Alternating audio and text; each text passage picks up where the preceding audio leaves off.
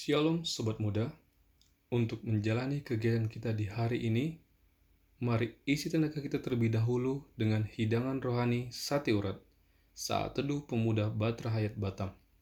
Sebelumnya, mari kita berdoa terlebih dahulu untuk meminta bimbingan dari Tuhan.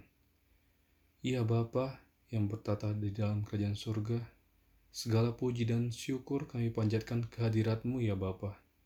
Terima kasih Bapa atas penyertaan-Mu kepada kami hingga saat ini. Bapa, saat ini kami akan bersaat teduh. Kiranya Engkau bimbing dan sertai kami dalam pembacaan Alkitab maupun renungan dari Sabda Bina Pemuda, sehingga kami dapat mengerti dan memahami tentang firman-Mu.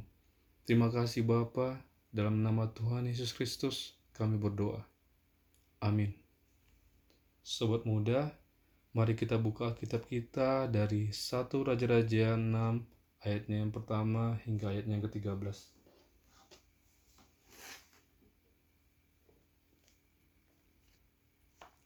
Mari kita baca bersama-sama. Salomo mendirikan bait suci.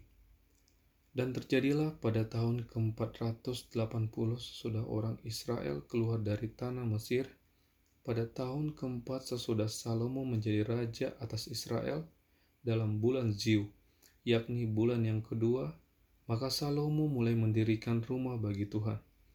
Rumah yang didirikan Raja Salomo bagi Tuhan itu 60 hasta panjangnya dan 20 hasta lebarnya dan 30 hasta tingginya. Balai di sebelah depan ruang besar rumah itu 20 hasta panjangnya menurut lebar rumah itu dan 10 hasta lebarnya ke sebelah depan rumah itu Dibuatnya juga pada rumah itu jendela-jendela yang rapat bidainya. Pada dinding rumah itu sekelilingnya didirikannya kamar tambahan, sekeliling ruang besar dan ruang belakang, dan seluruhnya dibuatnya bertingkat-tingkat. Tingkat bawah lima hasta lebarnya, yang tengah enam hasta, dan yang ketiga tujuh hasta. Sebab telah dibuatnya ceruk-ceruk pada rumah itu sekeliling sebelah, sebelah luar sehingga dinding rumah itu tidak usah dilubangi. Pada waktu rumah itu didirikan, dipakailah batu-batu yang telah disiapkan di penggalian, sehingga tidak kedengaran palu atau kapak atau sesuatu perkakas besi pun selama pembangunan rumah itu. Pintu tingkat bawah ada pada lambung kanan rumah itu, dan orang naik dengan tangga-tangga pilin ke tingkat tengah dan dari tingkat tengah ke tingkat yang ketiga.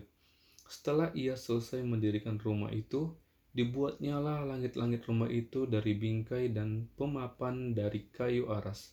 Dan setelah ia mendirikan kamar tambahan itu pada rumah itu, sekeliling yakni setiap tingkat lima hasta tingginya, maka rumah itu ditutupinya dengan kayu aras. Kemudian datanglah firman Tuhan kepada Salomo, demikian, mengenai rumah yang sedang kau dirikan ini, jika engkau hidup menurut segala ketetapanku dan melakukan segala peraturanku dan tetap mengikuti segala perintahku dan tidak menyimpang daripadanya, maka aku akan menepati janjiku kepadamu yang telah kufirmankan kepada Daud ayahmu, yakni bahwa aku akan diam di tengah-tengah orang Israel dan tidak hendak meninggalkan umatku Israel. Sobat muda, menurunkan kita pada hari ini adalah totalitas dan taat setia padanya.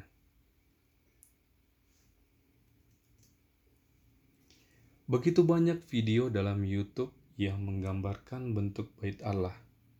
Dalam kenyataannya, ukuran bait Allah hanya 30 kali 10 kali 15 meter atau sama dengan 60 kali 20 kali 30 hasta. Itu sebabnya yang dapat masuk ke dalam bait Allah hanya para imam dan melalui para imam akan disampaikan perintah Tuhan kepada umat yang menunggu di luar bait Allah.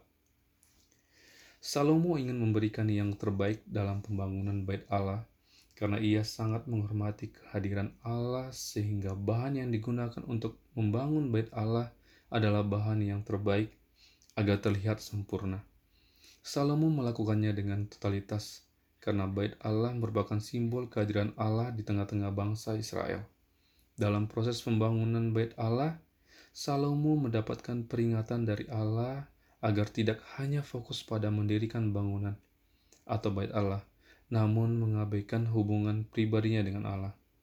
Janji Allah untuk tidak meninggalkan bangsa Israel tidak dilihat dari megahnya bangunan bait Allah, namun dari bagaimana ketaatan dan kesetiaan akan perintah Tuhan dalam kehidupan sehari-hari.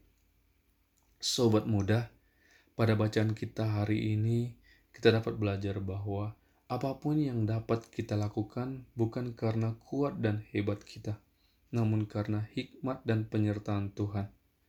Berikan yang terbaik untuk Tuhan dengan tetap taat dan setia pada perintahnya, seperti yang sudah dilakukan Salomo dalam bacaan kita pada hari ini.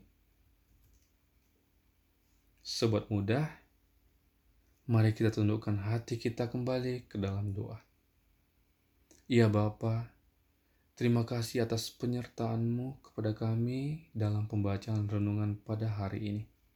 Biarlah firman yang telah kami terima dapat berguna bagi kehidupan kami. Ya Bapa, bantu kami agar bisa menjadi pemuda yang taat pada perintah-Mu dan dapat melakukan yang terbaik untuk kemuliaan namamu. Kami juga berdoa Biarlah sepanjang hari ini engkau tuntun kami melalui roh kudusmu, agar kami dapat menjalani hari ini seturut dengan kehendakmu. Tak lupa kami mohon ampun ya Bapa atas kesalahan dan kekurangan yang telah kami perbuat. Terima kasih Bapa. Amin.